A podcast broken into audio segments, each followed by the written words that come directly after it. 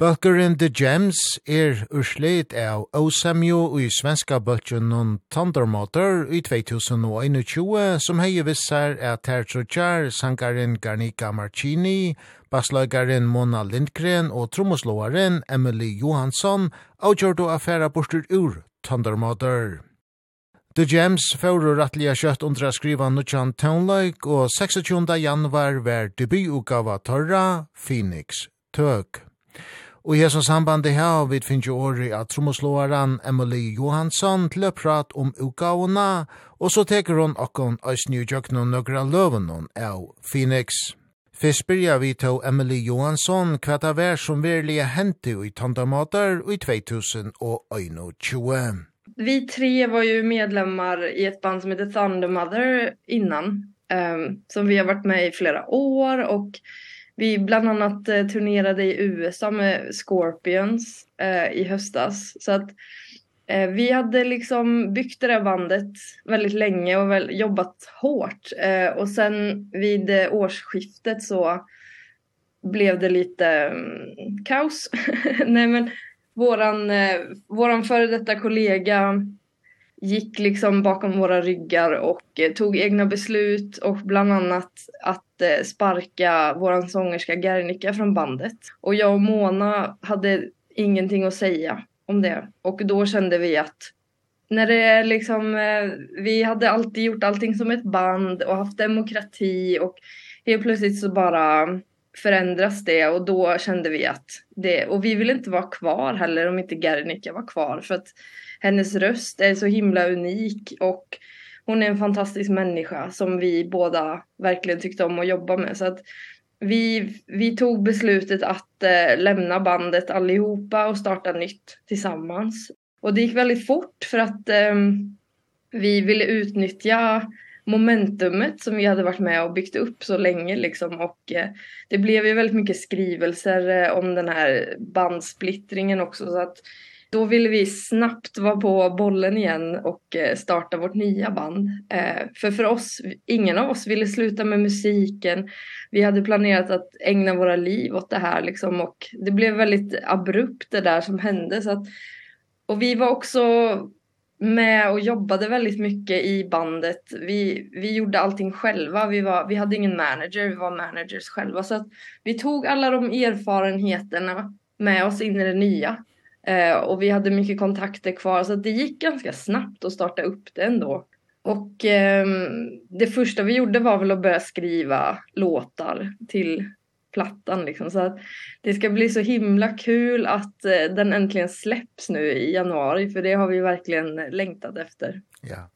Och och det var tanken från början att det skulle vara ett tremansband och det var inte fler musiker inne i bilden för för att få en en större band. Nej, nej men vi kände liksom att eh, på grund av det som hände så har vi liksom byggt ett väldigt starkt band tillsammans och vi tycker någonstans att eh, det kan bli dumt att ta in en till person nu när vi har gått igenom det vi har gått igenom och sådär. Men vi har ju Mona då som är gitarrist men som var basist i Thundermother så hon är väldigt duktig på båda instrumenten så vi har liksom inte haft det behovet förutom live och då tar vi in en live musiker. Eh men den personen liksom anställer vi då så att säga.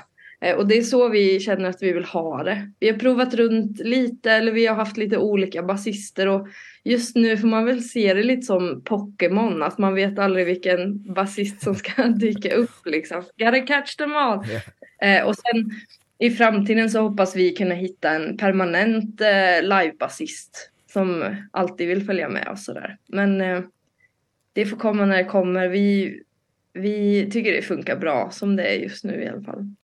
Fyrsta steg leie tja The Gems, Like a Phoenix, var utgivet i juni og i fjør. Møtøkan var Opera Go og leie rakk halt opp et anna plass av tyska rock-utvarpslistan noen, og til er som slåaren Emily Johansson sjølvan offeren og feien om. Vi blev jätteglada. Jag menar, vi, Tyskland var ju vår största marknad i Thunder Mother, så att vi hade ju förhoppningar på att eller det det är fortfarande vårt största liksom land. Och men det kändes bara väldigt kul att få det bekräftat att vi har ett värde i de musiker vi är, inte bara det här bandnamnet som vi hade byggt upp innan liksom. Så det det kändes verkligen jättebra och det var det var en skön bekräftelse och ett för oss ett bevis på att vi var på rätt väg liksom. Eh så det känns jättekul och den ligger ju fortfarande spelas mycket på radio i Tyskland och ligger på topplistor där så det känns ju hur kul som helst verkligen.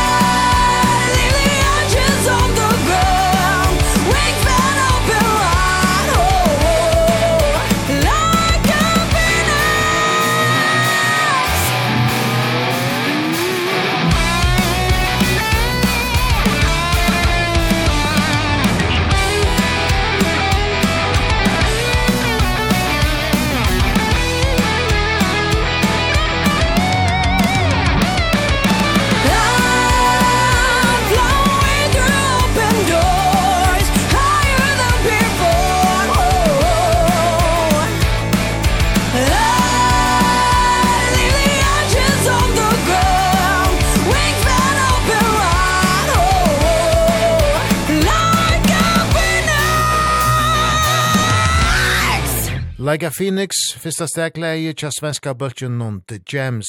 Debututgava torra, Phoenix var utgiven 26. januar. Vi tåsa i kvöld vi Emily Johansson, tromosloaran ui just The Gems. Og du sier at I startet med å skrive musikken med det samme. Hvordan er låtskrivningen? Sitter I tillsammans eller sender I idéer emellan er? Det har varit lite olika.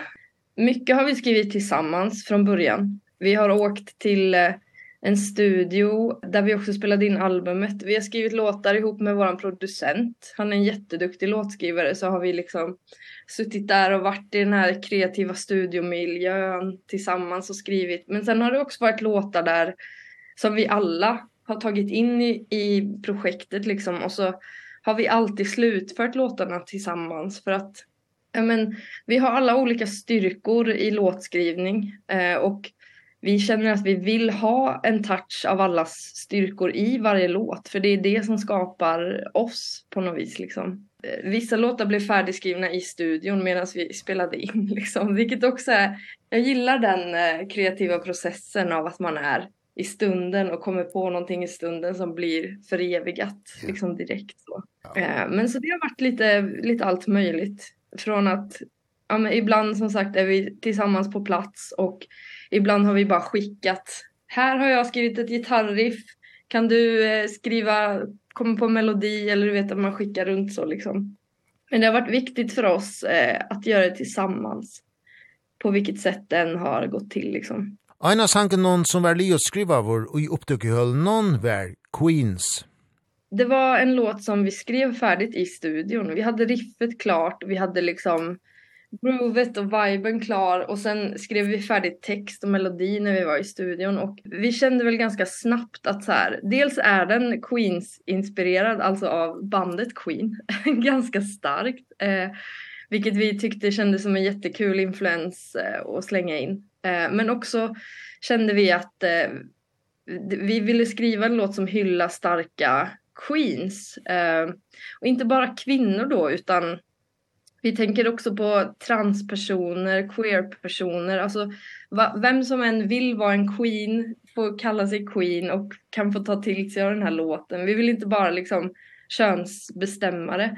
Men så det blev en riktig sån bara hyllning till framförallt alla alla personer som har liksom tidigare påverkat eh liksom genom åren för att kunna bana vägen för oss idag liksom Eh, så att man ägnar dem ett tack och hyllar dem lite grann. Och eh, låten i sig är ju jättekul att spela. Den har väldigt mycket energi och sådär.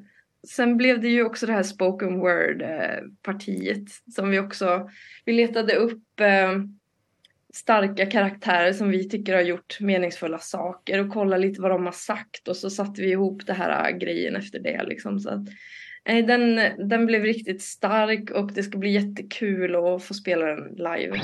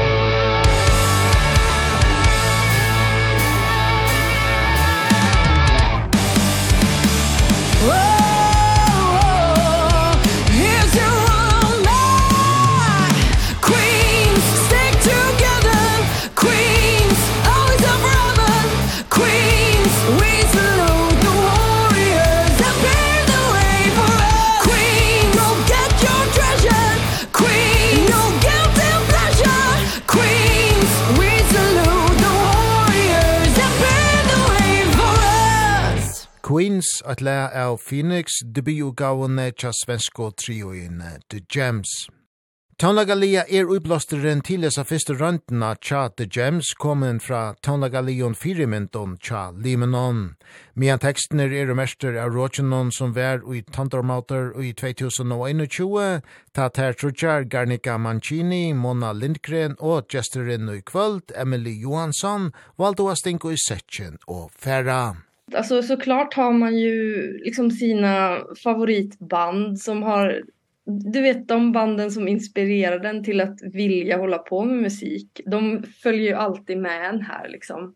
Eh men sen vi tar inspiration från allt möjligt. Eh det kan vara från pop, det kan vara från jazz, det kan vara från klassisk musik. Alltså vi är ganska liksom öppna för det. För det det blir alltid något nytt när man tar in en annan genre och gör det till rock liksom.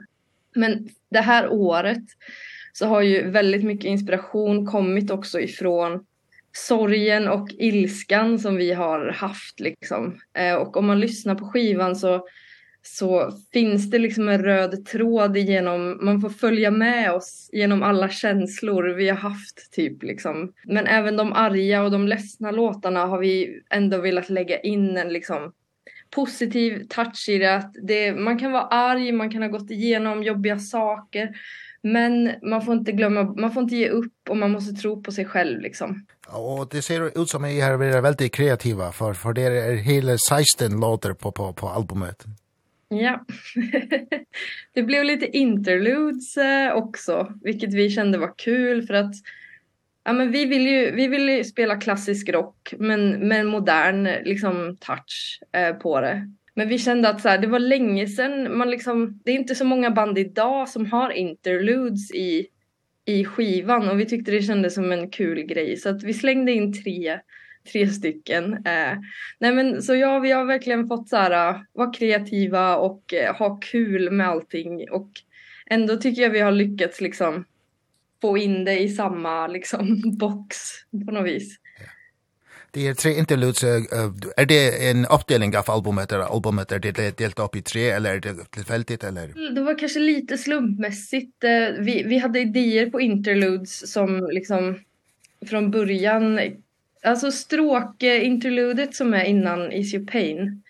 Eh det visste vi skulle liksom hänga ihop med det. Men sen det första interludet Aurora som är int som blev introt på skivan eh den skulle egentligen vara för sig själv men sen så kände vi att den passade väldigt bra ihop med Queens. Så att då blev det liksom man fick pussla. Och sen eh Renaissance som kommer innan like Phoenix kändes också liksom klockren att den skulle hänga ihop med Phoenix liksom så här. Så det blev det blev väldigt bra. Och ja man kan säga att det ändå det väver liksom in oss i känn väver in en i känslan som vi vill att man ska ha när man lyssnar på nästa låt liksom så. Og en av sangen noen som hever et interlude et la mittlumspel er balladan Is Your Pain, som er skriven av stått etter av limener ui The Gems, var og ferne borster ur mother. Det var Mona som kom med idén till låtskrivningen vi hade, där hon tyckte, hon, hon hade sett eh, oss var ledsna i den här processen, alltså allt som har hänt. Vi har varit väldigt ledsna. Eh, framförallt Gernika som fick sparken från bandet och som på grund av det blev väldigt uthängd i media för att eh våran gamla kollega försökte ju verkligen få henne att framstå som en dålig människa vilket hon inte är så att det var väldigt mycket sorg i början och så där och då då kände Mona att hon ville ja men hon fick den här idén och if I could ease your pain så att liksom hela den låten handlar egentligen om hur vi vill trösta varandra. Eh, hur en person vill trösta sin vän. Det kan vara en vän som har varit med om något jobbigt, gått igenom ett heartbreak, liksom vad som helst men bara en sån ärlig liksom tröstelåt på något vis och eh, den blev ju väldigt bra. Vi tycker alla väldigt mycket om den. Den är väldigt stark liksom.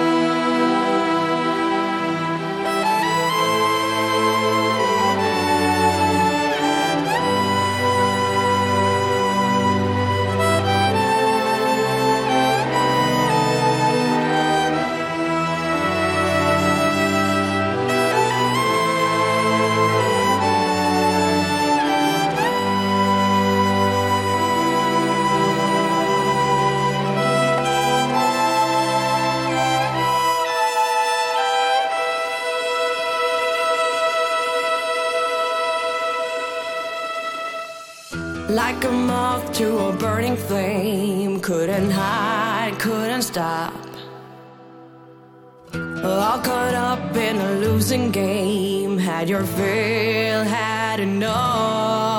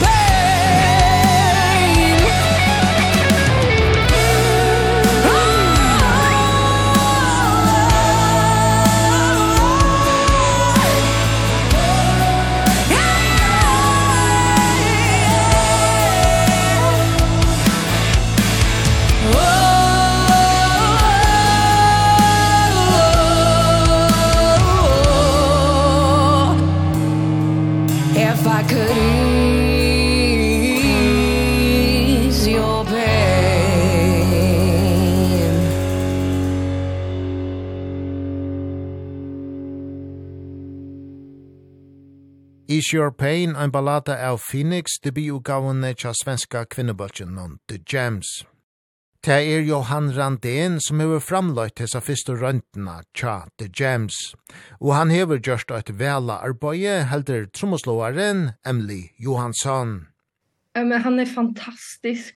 Jag gick ju eh, gymnasiet med honom. Eh och redan redan på gymnasiet var han ett musikaliskt geni. Eh jag tror han var liksom Han var en sån där barnstjärna på gitarr. När han var nio år så fick han liksom spela på stora scener med kända band för att han var så himla duktig liksom. Och när vi gick i gymnasiet så kunde inte han ta gitarrlektioner för att lärarna hade ingenting att lära honom. Han var liksom bättre än lärarna så att jag kommer ihåg att han fick då valde han istället för gitarrlektioner att ha musikproduktion som sitt huvudinstrument. Eh Och det var kul, det är så kul att ha följt honom och se att han liksom har blivit producent nu, har sin egna studio och allt det där. Eh så jag kom, vi jag kontaktade honom för några år sedan och frågade om han ville skriva lite låtar tillsammans och det det gick det var så himla kul att jobba med honom och så tog jag dit de andra tjejerna i bandet och alla liksom klickade väldigt bra så att det förutom att han är liksom en fantastisk musiker. Han är liksom ett geni. Eh så är han också en jätteödmjuk, snäll, rolig person som liksom bara har känt som en i gänget och det han har tillfört på våra, vårat album är ju att han han kommer ju från rocken men idag jobbar han mest med pop och det var lite det vi ville vi ville ha någon som kunde liksom förstå rocksoundet som vi vill ha men som också kunde liksom lägga till den här moderna liksom touchen på mixarna och produktionen och så där och det tycker jag verkligen att han har lyckats med eh att vi liksom har fått till den blandningen på ett bra sätt. En av första sangen som var skriva av vår till Phoenix var stegleie Send Me To The Wolves. Emily Johansson er tromoslovare i The Jams. Den skrev vi ju redan i februari det var en av de första låtarna som kom som blev till i det här projektet och jag tycker jättemycket om att spela den. Eh jag har ju John Bonham som favorittrummis och eh, att få gå loss som med med de den typen av sväng som han har eh njuter jag jättemycket av. Sen har ju den också lite hiphop influenser kan man säga i verserna. Någonstans liksom den känns som en sån ett bra exempel på det soundet vi är ute efter att man blandar det gamla med det här moderna liksom för den har ett väldigt modernt sound. Eh och ja, när vi skrev den där i februari så var vi väldigt arga och jag tror man kan höra det i i texten liksom eh men också handlar den ju om att så här du kommer inte åt mig. Eh jag tar mig loss från vargarna liksom. Du kan inte du kan inte röra mig för jag är stark liksom. Eh så den är den är härlig. Break the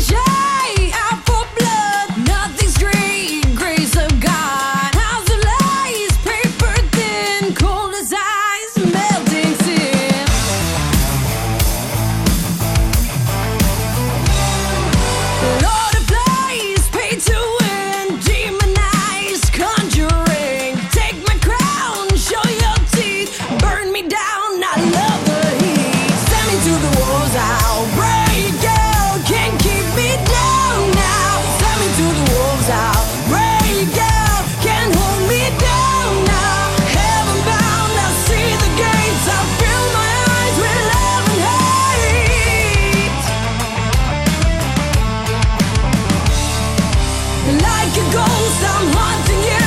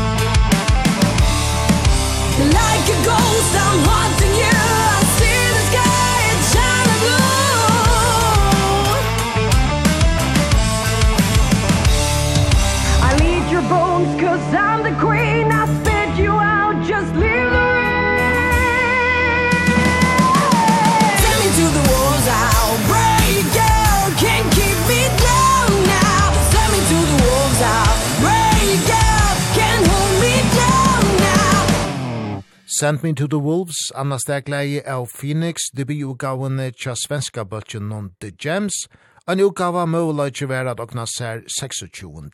januar. Ta vi spyrja trommeslåaren Emily Johansson om hon hever en interessant av utgavene er hun avgjørt og pojkar av Force of Nature. Force of Nature, åh, oh, den är faktiskt min favorit. den är crazy. Den har också ganska mycket Queen-inspiration faktiskt. Och även, ja den har faktiskt allt möjligt. Men eh, den Mona kom med idén och vi är, Gernika har varit med och skrivit texten och jag eh, har varit med och arrat en del och den är bara superfavorit för mig alltså. Den är jätterolig att spela.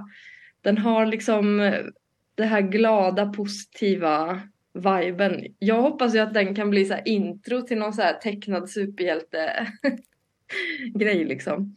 Eh, texten är väl ganska så här flummig om man tänker den handlar väl om olika chakran och overall eller liksom det är ju en en stark bara glad positiv liksom kämparsång. Ingen kan röra oss. Men det som är roligt med Force of Nature också är ju att eh gitarrsolot är ju ett jazzsolo som Mona har skrivit. När hon skrev solot så tog hon inspiration ifrån Tal Farlow och massa såna här gamla jazzgitarrister. Så det det tycker jag är en jättekul influens som passar väldigt bra i den galna låten liksom.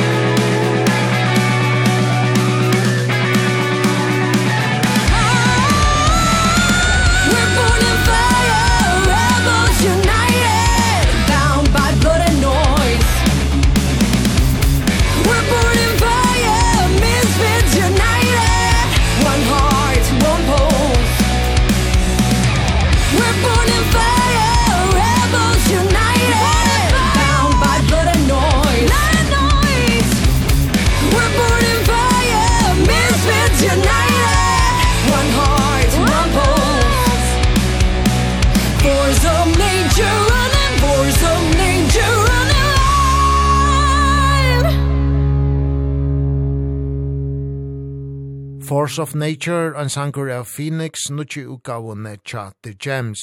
Hette er òsni indesankeren av utgavene tja gesten og i kvöld, Emily Johansson, trommoslåaren og just The Gems. Nu er Phoenix tøk og tær ui The Gems vevna kom ut a spela tonløyken firefjeppar noen omstutta tøy. Vi har ju liksom, eftersom vi är ett nytt band så har inte vi kunnat eh, boka så mycket turnéer innan vi har en skiva ute.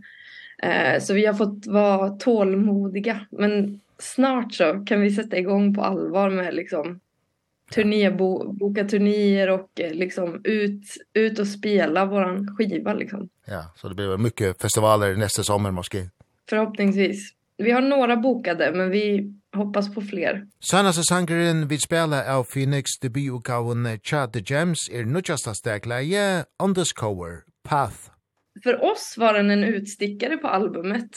Den den är ju lite mer den låter kanske mest modern av alla våra låtar och den den var väldigt en sån experimentlåt för oss som blev väldigt bra och så när vi liksom när vi skulle välja singlar eh, till albumet så var inte den med på någon av våra listor. Men vi skickade runt skivan till vänner och liksom folk i branschen vi känner och bad om lite råd liksom. Och då var det väldigt många som hade den som en favorit. Och då tänkte vi den kanske inte är så dum ändå. Vi vi testar liksom och släpper den som en singel. Så att den släpptes ju eh, nyligen så att det Ska bli spännande att se hur hur det går, men jag tycker det är jättekul för i den har vi också lite ABBA influenser i de här körerna i början och eh, ja men den är väldigt eh, speciell liksom. Och att texten är ju väldigt symbolisk för oss liksom att vi har känt oss väldigt vilsna och ja men vilken väg ska man ta och allt det här. Så det känns som en en stark låt på väldigt många sätt liksom. When life's taking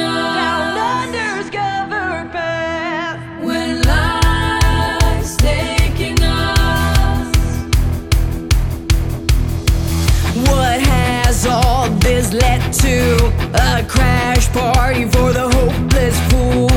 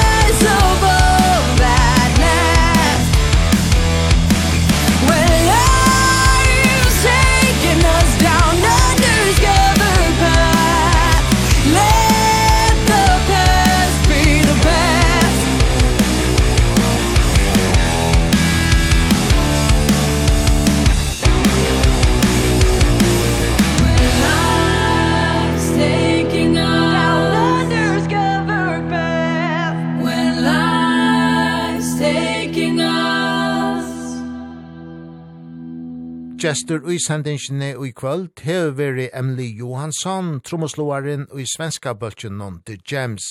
Vi prata jo om debi og gav og torra, Phoenix, som var utgiven 26. januar. Vi kom og eisne inna opprunan til The Gems, Tatar Trotjar, Garnica Mancini, Mona Lindgren og gesteren i kvöld, Emily Johansson, og valdo a stingo i setjen og færa bortur ur velomtakta bøltjen non Thundermother. Vi spalte oss i Florida Løven og av Phoenix, og nå til senest hørte vi nødgjeste stegleie, Undiscovered Path.